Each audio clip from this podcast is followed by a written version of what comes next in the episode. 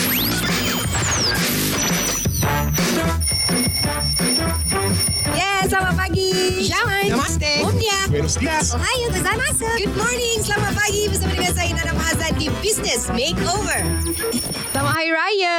Syawal yang ketiga bersama dengan saya Nana Mahazan di Business Makeover. Ah, di EFM tentunya for entrepreneurs by entrepreneurs. Dan tentunya raya ketiga ini kita macam biasalah sepanjang minggu ni kita dah cakap dah kita takkan ada usahawan untuk di makeover kan. Kita akan bersama dengan pakar-pakar yang akan berkongsi pelbagai jenis info, tips ah, ataupun apa sebenarnya boleh kita lakukan sebagai usahawan untuk uh, berdaya saing, untuk majukan lagi uh, perniagaan kita. Ha, dan tetamu ni akan membincangkan mengenai keusahawanan of course. Selamat datang kepada um, Haji Fazli Yusof, ha, Presiden Tamrin juga coach keusahawanan. Sebenarnya banyak uh, kata uh, apa ni Uh, cabang-cabang uh, pekerjaan uh, uh, tetamu saya hari ini. Dia merupakan presiden untuk Tamrin iaitu uh, Pertubuhan Perundingan uh, Latihan dan Motivasi Muslim Malaysia. Mm-hmm. Uh, itu short, short form dia Tamrin lah. Mm-hmm. Dan lagi satu adalah Malaysian Entrepreneur Development Association, MIDAS. Ah, wow, hebat tetamu saya hari ini. First time. Terima kasih Anda sudah datang dekat EFM for the first time hari ini. Uh, apa sebenarnya yang uh, boleh dikongsikan kepada pendengar-pendengar EFM ni? Mungkin Tuan boleh ceritakan secara ringkas latar belakang. Ah, uh, kita dah sebut dah tu uh, tadi. Uh, lebih kurang mungkin boleh tengok cerita lebih lagi sikit. Yes Nana, terima kasih mm-hmm. uh, Nana, semua warga EFM. Mm-hmm. Uh, seterusnya kepada semua pendengar setia EFM. Mm-hmm. Um, Selamat Raya. Selamat Raya. Ah, masanya uh, perut dah penuh tu kan. Alhamdulillah. Uh-uh. Uh, seronok dapat uh, bersama dengan uh, para usahawan sebab mereka ini adalah golongan yang membangunkan negara lah. Betul. Kan? Saya ucapkan tahniah kepada anda. Uh, usahawan ialah orang yang uh, sepatutnya mempunyai daya proaktif yang tinggi, Mm-mm. positif nilai positif tinggi dan Mm-mm. keinginan untuk growth yang yang yang tinggi. Mm-mm. Kalau tidak kita tak boleh sustain dalam bidang betul, ini, betul kan? Betul sangat setuju. Uh, dan uh, saya perkenalkan diri saya, saya nama saya Ahmad Fazli Yusof, nama glamournya mm. uh, Fazli Yusof lah. Ah, Fazli uh, Yusof. Uh, saya dalam industri human development uh-huh. sejak 2004. Wow. Uh, kiranya terjebak uh, dalam terjebak eh. Bukan memilih. Terjebak. Uh, terjebaknya. 2004 saya menulis buku dengan Datuk Dr Haji Muhammad Fazilah Kamsah. Mm-hmm. itu buku pertama. Really best seller 100,000 naskah terjual wow hebat. 30 kali diulang cetak. Sampai tahun ini pun masih lagi top 10 uh, non-fiction. Selepas wow. berapa tahun tu Nana? Mm. 15 tahun. Wow. Di dalam pasaran. Alhamdulillah. Mm-mm. Buku je tajuk 55 Petua Orang Berjaya. Mungkin pendengar EFM ada yang pernah jumpa buku mm-hmm. ini. Saya ucapkan terima kasih kerana membaca. uh, dan uh, selepas itu saya selalu menulis mengkaji tentang motivasi kenapa orang berjaya, kenapa ada orang yang committed melakukan mm-hmm. apa yang mereka lakukan. Mm-hmm. Macam mana ada orang boleh mengubah tabiat. Mm-hmm. Macam mana orang boleh mengubah belief system dengan pantas. So mm-hmm. saya mengkaji dan menghasilkan lebih 47 buah buku mm-hmm. berkenaan dengan motivasi komunikasi dan akhir sekali saya uh, mencuburkan uh, sebagai expert dalam NLP Neuro Linguistic Programming 2006 mm-hmm. saya certified NLP practitioner mm-hmm. dan duri, mulai 2010 11 kami mula buat uh, certification program kami telah mm-hmm. certify ribuan orang mm-hmm. uh, di, di seluruh Malaysia di kalangan ramai dari uh, top bureaucrats mm-hmm. uh, pendidik uh, celebrities mm-hmm. dan ada juga ramai di kalangan mereka adalah usahawan usahawan hmm. yang belajar NLP sebab nak tahu macam mana nak jadi lebih progresif, lebih menguasai diri kita. Sebab apa hmm. Nana? Hmm. Uh, modal yang paling penting dalam bisnes ialah diri kita sendiri. Exactly. Uh, kalau diri kita tak boleh move on, tak boleh nak bergerak, grow, grow right. then berapa modal masuk ke, bisnes model powerful ke, Mm-mm. still uh, dia tak bergerak. Hangus. Hangus terbakar. juga. So, because the best thing is diri kita right. kena grow and grow and grow. Wow. Kenapa saya rasa tiba-tiba dah tergeru ni? rasa motivated gitu. Okay, sebenarnya hari ni juga kita nak grow all the mindset of the mm-hmm. entrepreneur. Kadang-kadang dia selalu fikir, aku nak kena ada modal. Everybody's like talking about macam mana kita nak dapat duit banyak. Dan only kita boleh grow business. Actually itu bukan bendanya. Yes. Ada asas yang perlu kita kita tahu. Okay mungkin uh, Tuan Haji Fazli mungkin boleh kongsikan lima asas penting sebelum memulakan bisnes. Ah, yang oh. pertama, apakah saya nak share bawa, uh, bawa benda, mm-hmm. uh, tip dan juga fundamental dan mm-hmm. juga satu fakta menarik. Mm-hmm. Uh, Nana sebut tadi tentang Ya, uh, saya banyak juga buat ceramah kepada handle mm-hmm. sesi untuk uh, mikro uh, usahawan mikro. Mm-hmm. Dan banyak rungutan mereka lah tak boleh grow, tak boleh besarkan sebab tak modal tak cukup. Uh-uh. Uh, sebenarnya ada banyak kajian tentang ini. Salah satu yang lah saya nak ambil uh, kajian oleh seorang uh, usahawan terkenal mm-hmm. namanya Bill Gross. Dia mm-hmm. buat kajian. Mm-hmm. Dia kaji uh, ada lima factors, lima mm-hmm. lima lima elements. Mm-hmm. Dia kata yang mana yang paling paling paling paling mempengaruhi uh, kejayaan startup business. Mm-hmm. Terpaling lah ni. Terpaling lah. Sebab dia dia sendiri dah startup uh, beratus syarikat. Right. Dan dia buat kajian yang successful dan yang tak successful dan dia kaji juga syarikat-syarikat lain mm-hmm. di luar. Mm-hmm. Dia mengeluarkan lima elemen lah. Mm-hmm.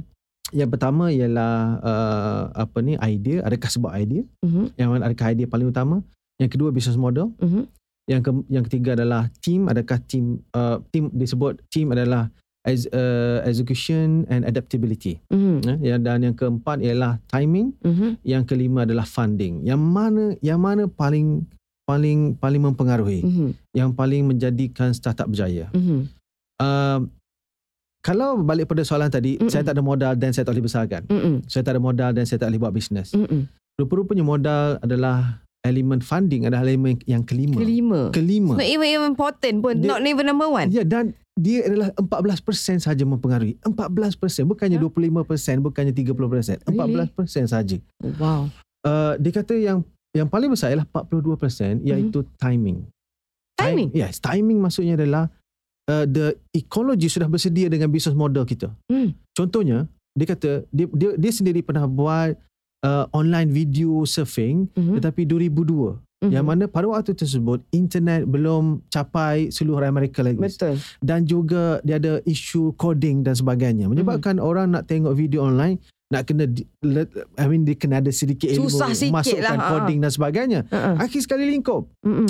Dia mulakan 2002 dan ditutup 2003. Uh-huh. 2005 YouTube comes in selepas semua benda disettlekan. Uh-uh. So bila timing dah betul, maksudnya tak ada isu coding uh-uh. dan capai internet sudah meluas dan makin laju dan orang bersedia untuk melakukannya. So sebagai usahawan kita uh-huh. kena mempunyai uh, banyak uh, uh, deria ni. Deria uh-huh. kena banyak bukan mata telinga hidung saja mm-hmm. tetapi kita boleh tahu uh, orang dah bersedia ke belum mm-hmm. ada infras, infrastruktur dah cukup ke belum mm-hmm. sometimes kita advance in that sense yes Aha, tapi keadaan belum lagi bersedia betul betul alright itu yang dimasukkan dengan timing bisnes 3 tahun tapi boleh berkembang dengan mm. cepat so, sebenarnya uh, benda ni ada memerlukan kita sebagai usahawan sendiri kena ada mindset yang betul kalau tadi um, Tuan Haji dah, uh, dah kongsikan mengenai lima asas penting dah sebut secara satu-satu mm-hmm. lah ada mhm. timing mm. yang pers- the first mm. one the second one yang terpenting. Ah uh, berapa peratus pula terpentingnya? Uh, kajian Bill Gross tadi kata team. Hmm. Team 32%. Team. team as in team lah team pasukan. Yang, yang execute dua faktor, execute hmm. dan uh, adaptability. Maksudnya okay. Uh, dalam dalam bisnes bila kita ada idea uh-huh. dan kita dah buat model uh-huh. kita mhm. kena execute betul okay, betul so team kena execute dengan dengan bagus lah uh-huh. uh, isi operation dan sebagainya uh, mungkin sales marketing operation uh-huh. dan sebagainya dan dan dia execute berdasarkan plan dan juga dia boleh adapt dengan fantas. Mm. Dua benda Nana. Pertama mm-hmm. ada team yang execute tak bagus. Mm-hmm. Uh, daripada awal memang hancur lah. Mm-hmm. Yang, yang kedua adalah dia execute bagus tapi bila dia dapat feedback yang berbeza, mm-hmm. dia kena berubah dengan pantas. Right. Usahawan, business, startup terutamanya kena cepat adapt. Mm-hmm. Dia kena dapat dapatkan feed. That's why ada yang very successful, dia, dia dapatkan data every day. Dia buat mm-hmm. summary at hmm. least seminggu sekali kita dapatkan summary apa nombornya apa apa responnya bla bla bla hmm. daripada situ kita akan cepat adapt hmm. dan kita boleh tukar uh, plan dengan pantas itu right. itu yang kedua yang ketiga adalah 28% menyumbang kepada kejayaan startup ialah idea idea okey kita berhenti di yes. situ idea kalau nak tahu apakah idea tu 28% Idenya tadi? Yes. 28%. 28% idea dan uh, business model 24%. Saya nak okay. bincang dua-dua serentak. Nak asas yang ketiga hmm. iaitu mengenai idea idea dan bersama dengan business model. Okey, teruskan. Uh, idea adalah oh, oh, that's why usahawan dia kekal usahawan. Mm-hmm. Sebab dia kena ada mindset tertentu right. dengan cara berfikir yang tertentu. Mm-hmm. Uh, kemungkinan dia ada degree, kemungkinan mm. dia tak ada degree, mm. kemudian dia ada result yang bagus, kemudian dia tak bagus. Tapi dia ada sejenis pemikiran, dia sangat inovatif, dia, mm. dia, dia cepat observe dan aware apa yang berlaku di sekeliling dia. Mm. Dan dia cuba ke dia fokusnya ialah untuk menyelesaikan masalah, mm-hmm. memberi orang jadi lebih selesa. Mm-hmm. Sebab apa? Asas kepada usahawan ialah value creator. Mm-hmm. Usahawan ialah mencipta value. Mm-hmm. Dan usahawan ialah manusia yang memudahkan hidup manusia. Betul. Uh, Tapi adakah usahawan ini uh, dilahirkan sebagai usahawan. Adakah usahawan ni boleh dipupuk? Uh, macam talent let's uh, say like uh, singing uh, like singing kan? Yes, yes. orang uh, kata oh dia ni memang dah lahir-lahir memang memang uh, penyanyi. Because she got the talent but some people say like let's say like acting um, kita boleh pupuk kita boleh belajar kita boleh pergi kelas dan sebagainya. Adakah seorang uh, entrepreneur ataupun usahawan ini dia memang dilahirkan jadi usahawan, usahawan? Ataupun ada orang ni memang tak boleh jadi usahawan. Dia belajarlah macam mana dia memang tak ada the orang kata dia tak gifted untuk jadi adakah benda tu relevant Betul ke tidak statement tersebut? Uh, semua orang ada hak untuk jadi usahawan tapi usahawan baik tidak datang daripada semua orang. Okay, itu agak tricky. ya. uh, ideanya adalah sebenarnya okay. ada orang bernasib baik kerana ekologi ataupun suasana dia mm. telah memberikan pendedahan kepada dia mm. untuk untuk dia develop mindset usahawan tersebut. Right. Okay, mm-hmm. mungkin mak ayah dia ataupun pengalaman dia pergi jual, sudah pengalaman sale. Okay, okay. Kemudian dia ada pengalaman tukang tukang apa azan kat surau, marketing, marketing kan. Mm-hmm. dia right, ada right, banyak right. pengalaman right. diikut ayah dia dan mhm. sebagainya. Mm-hmm. Then dia dapat the mindset usahawan. As simple mm-hmm. as that. Mhm. So kalau adakah ia inborn ataupun uh, you can nurture? In nature or nurture? Mm-hmm. So saya boleh bagi jawapan is nurtured. Oh, okay. Is nurtured. Tapi ada orang lebih baik, bernasib baik dia dapat proses environment yang nurture dia punya mm-hmm. insting so called insting naluri business From dan mindset usahawan tersebut. Mm. Tapi kalau anda masih belum ada, mm. uh, jangan tak rasa gundah gulana.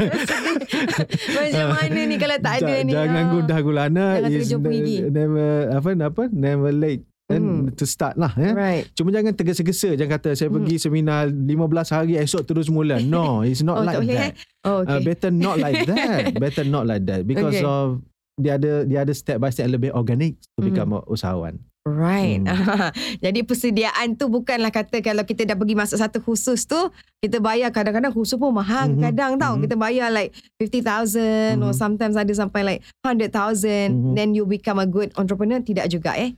Tidak menjanjikan. Dia, dia, itu itu It bergantung kepada yes sebab mm. kita bergantung kepada how how quick you grow right. Uh, dan grab dan everything lah. So mm. saya tak sarankan kita tergesa-gesa sebab sebab proses dia berapa lama proses, biasanya? ya, secara orang average. uh, banyak uh, banyak uh, usahawan yang bagus-bagus uh-huh. sebenarnya dia dah buat lama. Cuma dia muncul tiba-tiba kita kata wow dari mana dia datang betul kan? Faham. Uh, tapi sebenarnya dia dah lama dalam industri. The, the process tu. Uh, the okay, process wow. right. Okay kita akan sambung. Yang keempat tadi apa? Business model business model business model is mm. very very very important pengetahuan mm. business model terhadap business model mm. adalah asas saya rasa sangat penting bagi mm. usahawan uh, ada orang tanya saya uh, bisnes apa yang boleh buat jadi kaya mm. saya tak kisah bisnes apa model bisnes itu mempengaruhi mm. contohnya kalau kata jual kereta boleh jadi kaya tak it depends macam mana you jual kereta? Mm. Apa modelnya? You jual kereta untuk segmen apa? Mm-mm. Macam mana you jual? Macam mana you marketing? Macam mana right. you deliver? Mm-mm. Macam mana you sinergi dengan orang di sekeliling dan Mm-mm. sebagainya. Mm-mm. Jual surat khabar boleh tak jadi kaya?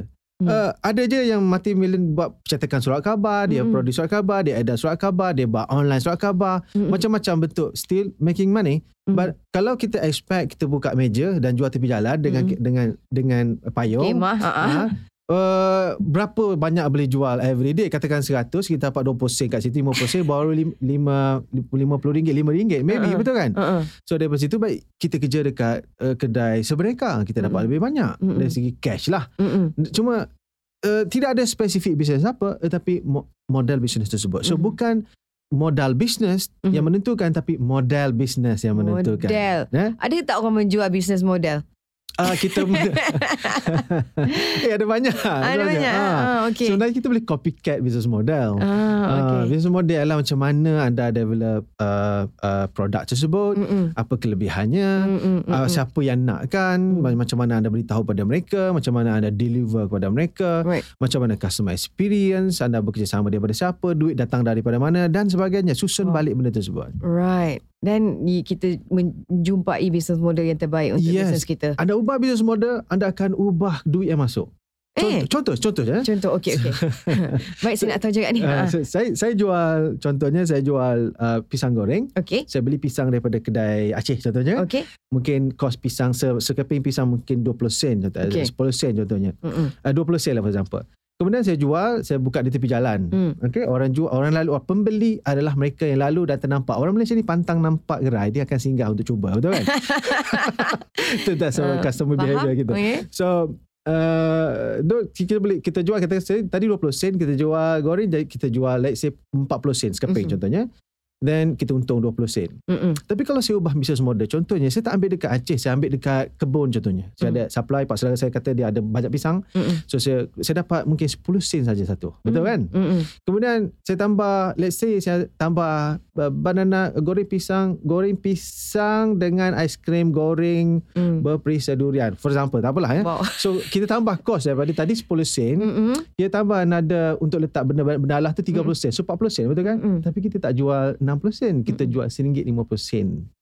Right. This is what we call as dalam business leverage. Itu cerita lain lah. Ah, Pada ah. masa kita itu. Baik. Ya, you tambah sikit, you extend lagi lebih. Right. Dan penjualnya tidak boleh orang yang lalu lalang. Tak boleh. Uh, you kena Targeted uh, audience targeted lah. Ah. audience. Mhm. you kerjasama kerjasama this is a, this is a strategic partnership Mhm. kerjasama dengan dengan uh, apa kafe-kafe tertentu Mm-mm. dan in order to, to deliver maybe you ada pack tertentu dan sebagainya Mm-mm. Okay you see Faham. so you tukar je it's still pisang goreng Mm-mm. tetapi you tukar saja daripada daripada you dapat macam mana harga you letak Uh, dan macam mana siapa you jual dan Right. kerjasama dengan siapa then dia boleh jadi multi-million business betul kan Mm-mm. sama juga pergi pada popia pergi Mm-mm. pada apa Right. uh, nasi ayam kunyit apa saja Kan? Benda sama, benda but sama how you mm, mencantikkan tepi dia. Ialah jagung, jagung, jagung, Jagung? rebus kan. Sedapnya jagung. Ah, jagung rebus kan. Hari raya ni jangan ada lah. Ah, betul. Jagung, jagung rebus. Jagung rebus kita tengok ada mati million dengan jagung rebus. Right. Jual buah tepi jalan kan. Uh-uh. Dah dah ada kita tengok gerai yang premium. Jual buah. Gerai jual buah di supermarket making multi million because of they change the model. Faham. Faham eh? Baik, faham tak? Ah, kena carilah bisnes model yang terbaik. Ah, kajian boleh dibuat uh, untuk mendapatkan bisnes model yang uh, yang sesuai dengan apa bisnes yang kita lakukan. Okey, um uh, asas yang kelima untuk Hmm. usahawan tahu adalah funding. Ini yang Funding. benda-benda penting sebenarnya yang Mhm. kelima ni funding yang orang kata Oh, yes, perlukan yes. sangat ni. Yes, yes. Uh, uh, that, that's why bila kita ada sebenarnya kalau idea ada idea bagus, Mm-mm. kemudian ada model yang bagus, Mhm. Uh, kita boleh control funding tersebut. Mm-mm. Ada orang kata businessman start from scratch kan. Mm-mm. Mulakan dengan apa yang ada di tangan. Kita Mm-mm. boleh start up dengan let's say RM50. Saya start up dengan RM50 je. My business. RM50? Yes, yes. RM50. Eh? And grow million lah. Serious? Boleh, yes. Ah, my, my, okay. my business modal business saya ialah nak print manuscript itu je. Ah, yelah. then then Ah, the saya uh, everything dibuat oleh pu- publisher. So Mm, mm, sebenarnya tak sampai RM50 is RM10 je kan. Mm-mm. So um, kita boleh mulakan dengan apa yang ada di tangan. Don't for me don't start big dalam keadaan you tak faham lagi, you tak test lagi dia punya model tersebut. That's why Mm. dalam dalam dia panggil uh, business val- business model validation. Nak Mm. test betul jadi ke tak. Sebab kadang-kadang kita duk bayang je benda tu Uh-uh. orang nak.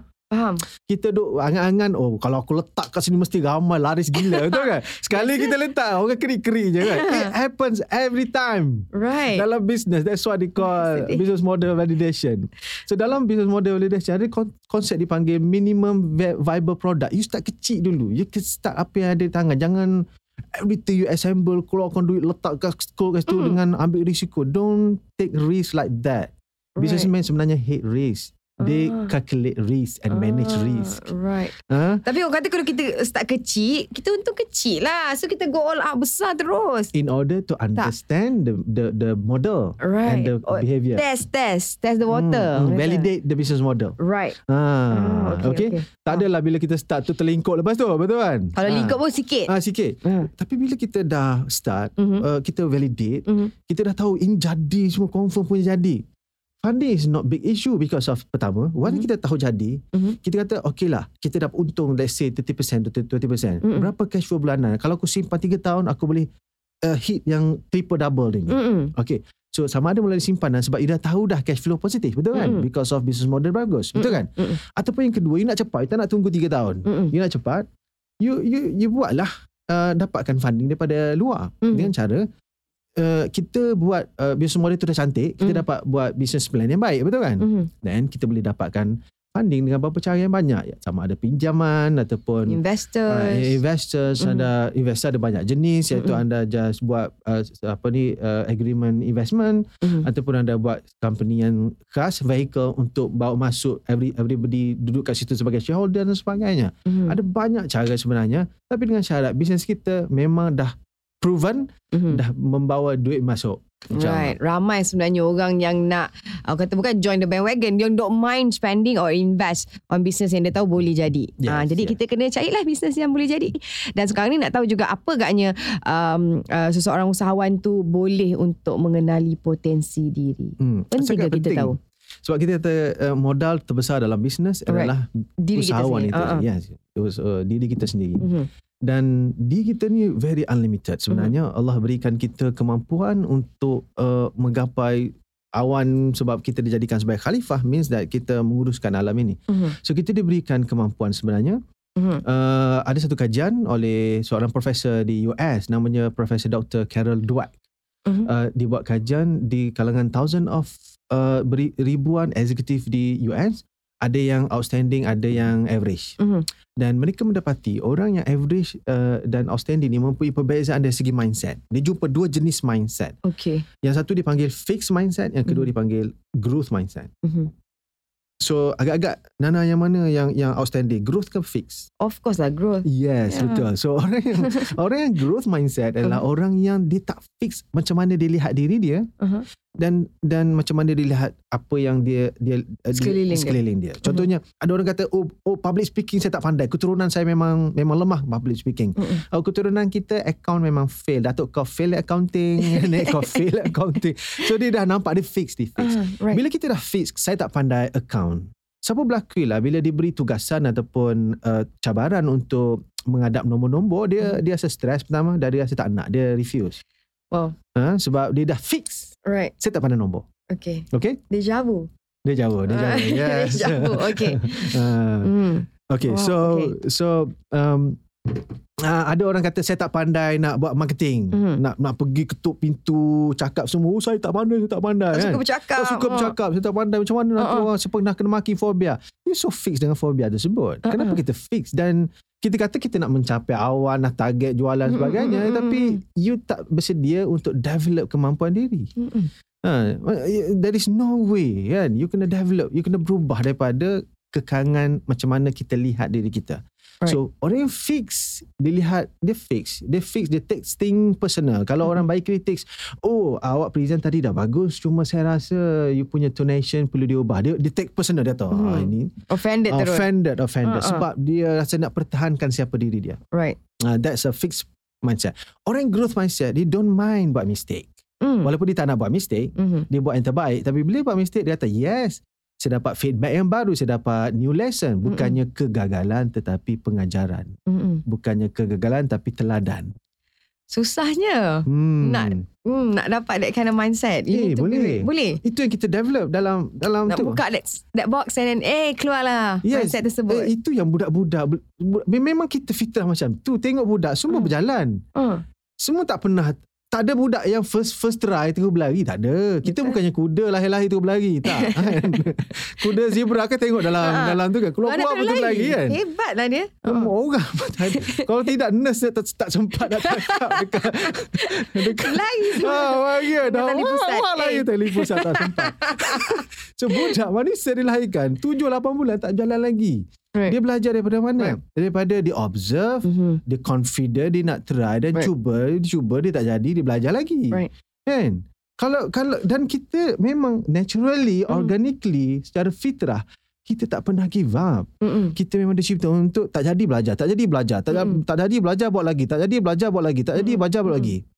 That's why kalau tak ada budak-budak uh, orang dewasa merangkak ke, kenapa you merangkak? Dah give up. Oh, dah give up masa saya 9 bulan dulu lah give up. Mana ada manusia like that? Logiknya. So Hmm, you right. yang anda yang sedang dengar EFM Mm. hari ni, anda semua memang diberikan kemampuan Mm. untuk sentiasa grow sebenarnya. Right. Bila kita buat pitching ke, kita pergi buat sales ke, orang reject.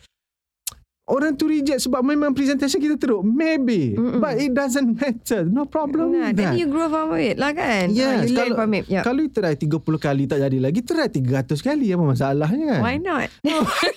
Have fun with it kan? Uh, uh, okay, not so fun lah after 300 times.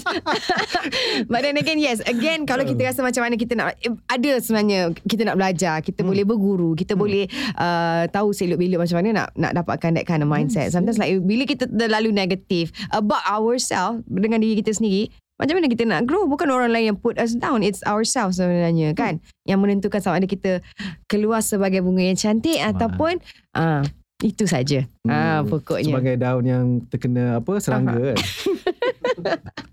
andaian hari ni. Ha. Dan kejap lagi kita akan bersama lagi dengan uh, Tuan Haji Bazli untuk bercerita macam mana lagi. Agaknya orang yang dengar ni tiba-tiba dah tak nak raya dah. Tak masuk ah. kerja nak berniaga dah ni. Tak sabar dah ni. Eh ketupat dah hangit tu. Eh. nak dapatkan lebih info. Mungkin ada kelas ataupun uh, kursus yang siapa-siapa yang mendengar ni boleh pergi, yang boleh join secara berkala ataupun uh, you know one-on-one ke macam mana? Oh yes, kita maklumat penuh ada di nlpmalaysia.net sebenarnya mm-hmm. itu adalah adalah portal NLP yang yang NLP uh, NLP mm-hmm. NLP stand for neuro linguistic programming bila cakap right. uh, growth mindset mm-hmm. NLP sangat related right. so NLP ni apa uh, ialah uh, kajian sejak daripada tahun 97 1970-an terhadap mm-hmm. terhadap macam mana orang ubah tingkah laku mm-hmm. macam mana orang daripada uh, alkoholik mm-hmm. dan dia boleh bebas alkohol macam mana right. orang yang stress boleh happy macam mana broken family boleh happy family mm. uh, orang yang apa post war uh, syndrome boleh ubah so mereka buat kajian dan mm. mereka telah meng uh, systematickan benda tersebut mm. macam mana kita berfikir beremosi dan bertindak mm. apa prosesnya apa proses berfikir yang mempengaruhi emosi apa proses emosi yang mempengaruhi tindakan mm. sebab orang menyangka emosi tak boleh dikawal kadang-kadang orang kata saya tidak mahu perasaan kenapa kenapa tiba-tiba perasaan ini menjengah ketika waktu pagi tanpa diundang. Itu uh. ini tidak menjengah secara yeah. tiba-tiba tak. Kita ni trigger. Ada sains sebaliknya. Right. Maybe tiba-tiba ada ada satu bunyi kat belakang, bunyi latarnya music. Music mm-hmm. itulah music yang, yang selalu kita lah. dengar. Mm. They call it trigger. Dalam NLP we call it anchoring. So mm. kita pecahkan macam mana anchoring berlaku dan macam mana nak menganchoringkan suatu benda. You boleh dibuat secara sistematik. Boleh. Boleh dibuat secara sistematik. Oh, maksudnya uh, tak ada perasaan aku menjengah di kala subuh pagi tak buat tak. Bo- yeah.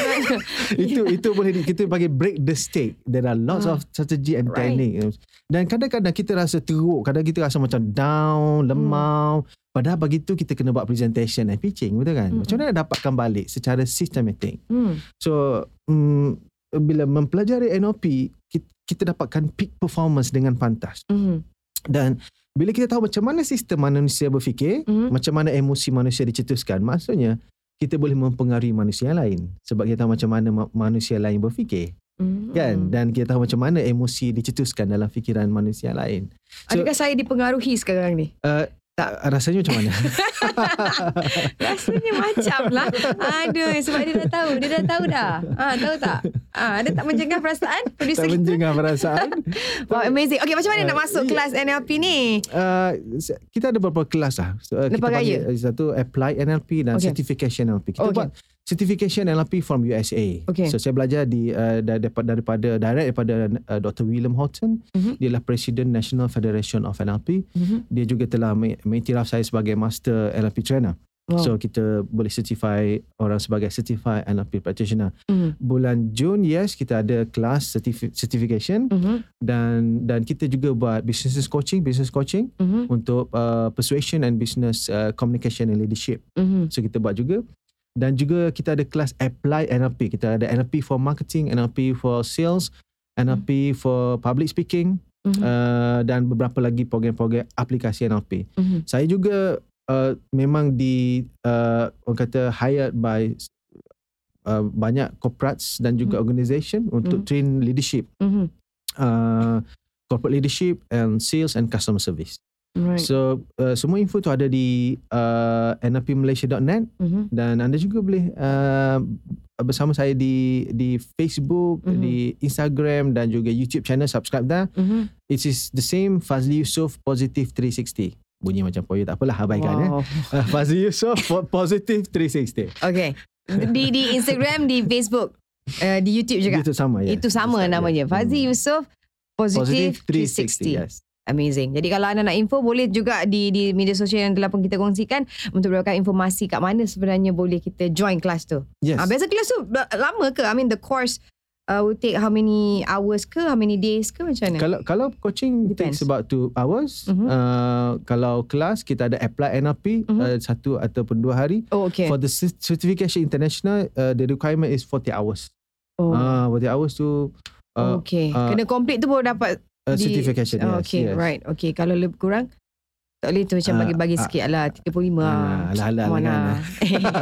Miss satu kelas, satu session. Alright, nak cakap terima kasih sangat yeah, kepada Tuan Haji Fazil kerana sudi datang today. Uh, mungkin ada ucapan raya nak disampaikan, silakan. Uh, saya ucapkan selamat Hari Raya kepada semua uh, pendengar EFM. Yep. Saya kagum dengan anda memilih podcast ini. Uh-huh. Sebab uh, radio ini, sebab sebab uh, bagi saya bila kita uh, masukkan input yang positif, kita mm-hmm. berfikir secara positif, mm-hmm. kita beremosi secara positif dan kita bertindak secara positif dan usahawan tidak ada cara lain melainkan kita kena sebab investment terbaik sebagai usahawan adalah investment terhadap diri kita. Mm-hmm. Invest masa, fikiran, duit, resources kita untuk develop diri kita, ia tak pernah merugikan. Baiklah. Itu ucapan raya eh. Eh, ha. Eh? oh, saya ucapkan uh, kepada semua ahli keluarga saya, uh, kaki tangan saya, tim mm. yang menjayakan ini, kita mm. akan uh, kita nak pergi lebih besar lagi sebab right. saya percaya ramai lagi orang yang dapatkan fitrah. Air raya adil fitri kembali pada fitrah. Fitrah kita adalah fitrah kecemerlangan. Ingat, tak ada orang merangkak bermasuk semua cemerlang. Right. Terima kasih atas ucapan raya yang sangat Amazing. Lain benda yang lain. Dah, dah habis ke? EFM for Entrepreneurs by Entrepreneurs. Nama Hazan dah sampai ke penghujungnya. Thank you so much for listening to us For tuning us uh, Hari ni, besok, lusa Sehinggalah Hari Raya nanti. Ha, Raya dah Hari Raya pula. Sampailah habis Hari Raya nanti InsyaAllah.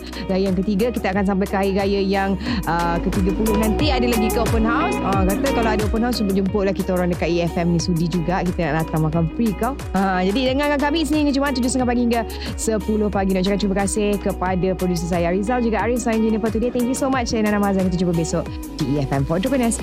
Bye Entrepreneurs.